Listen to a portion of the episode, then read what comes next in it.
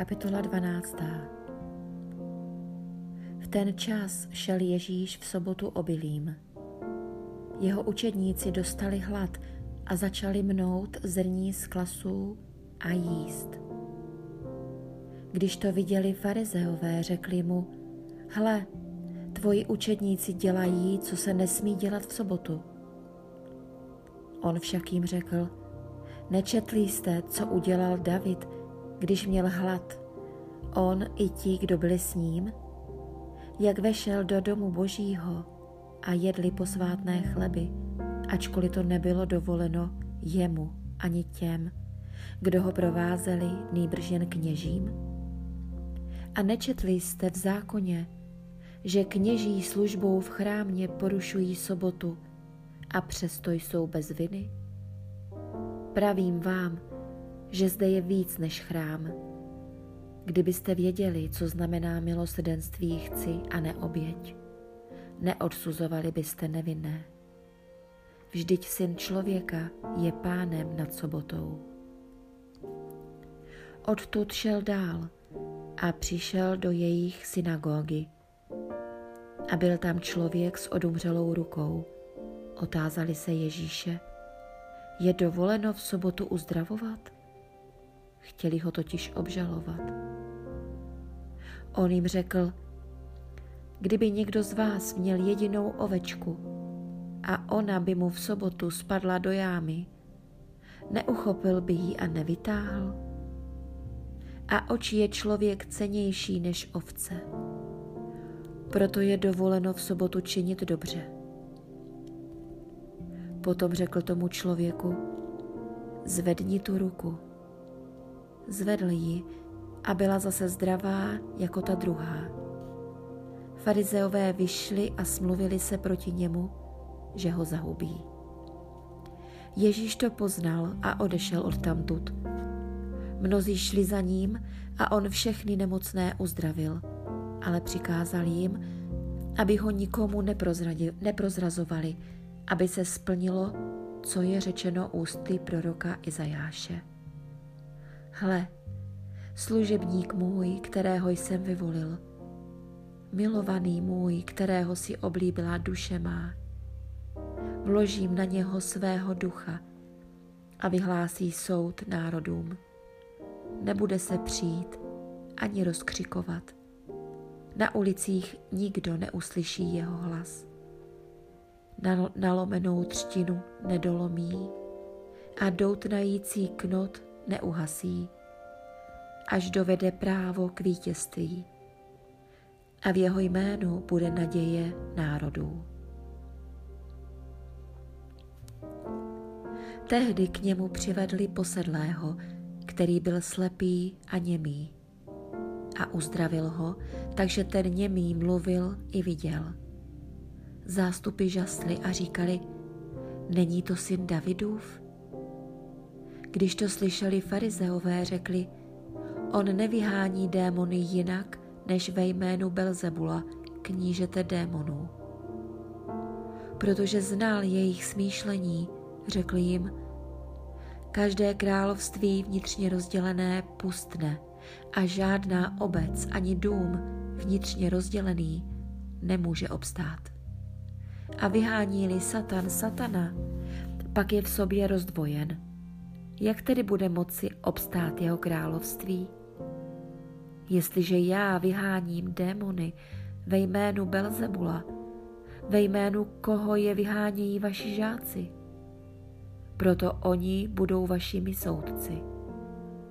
Jestliže však vyháním démony duchem božím, pak už vás zastihlo boží království což může někdo vejít do domu silného muže a uloupit jeho věci, jestliže dříve toho siláka nespoutá, pak teprve vyloupí jeho dům.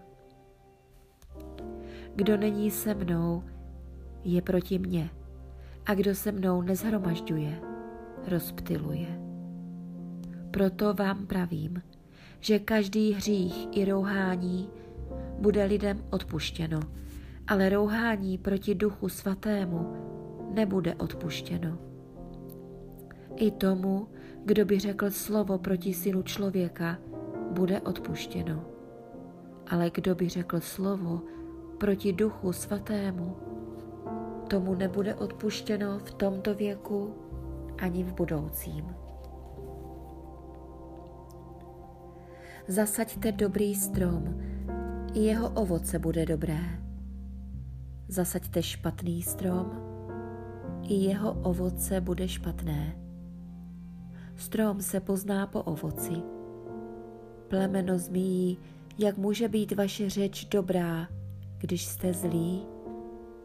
Čím srdce přetéká, to ústa mluví. Dobrý člověk z dobrého pokladu srdce vynáší dobré. Zlý člověk ze zlého pokladu vynáší zlé. Pravím vám, že z každého planého slova, jež lidé promluví, budou skládat účty v den soudu. Neboť podle svých slov budeš ospravedlněn a podle svých slov odsouzen. Tehdy mu na to řekli někteří ze zákonníků a farizeů. Mistře, chceme od tebe vidět znamení. On však jim odpověděl, pokolení zlé a spronevěřilé si hledá znamení, ale znamení mu nebude dáno, leč znamení proroka Jonáše. Jako byl Jonáš v břiše mořské obludy tři dny a tři noci, tak bude syn člověka tři dny a tři noci v srdci země. Mužové z Ninive povstanou na soudu s tímto pokolením a usvědčí je, neboť oni se obrátili po Jonášově kázání. A hle, zde je více než Jonáš. Královna jihu povstane na soudu s tímto pokolením a usvědčí je, protože ona přišla z nejzaších končin země, aby slyšela moudrost Šalamounovu. A hle, zde je více než Šalamoun. Když nečistý duch vyjde z člověka, bloudí po pustých místech a hledá odpočinutí, ale nenalézá. Tu řekne, vrátím se do svého domu, odkud jsem vyšel. Přijde a nalezne jej prázdný, vyčištěný a uklizený.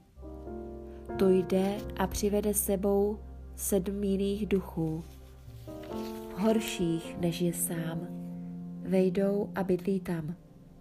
A konce toho člověka jsou horší než začátky. Tak bude i s tímto zlým pokolením. Ještě když mluvil k zástupům, hle, jeho matka a bratři stáli venku a chtěli s ním mluvit. Někdo mu řekl, hle, tvá matka a tvoji bratři stojí venku a chtějí s tebou mluvit. On však odpověděl tomu, kdo mu to řekl. Kdo je má matka a kdo jsou moji bratři? Ukázal na své učedníky a řekl, hle, moje matka a moji bratři. Neboť kdo činí vůli mého Otce v nebesích, to je můj bratr, má sestra i matka.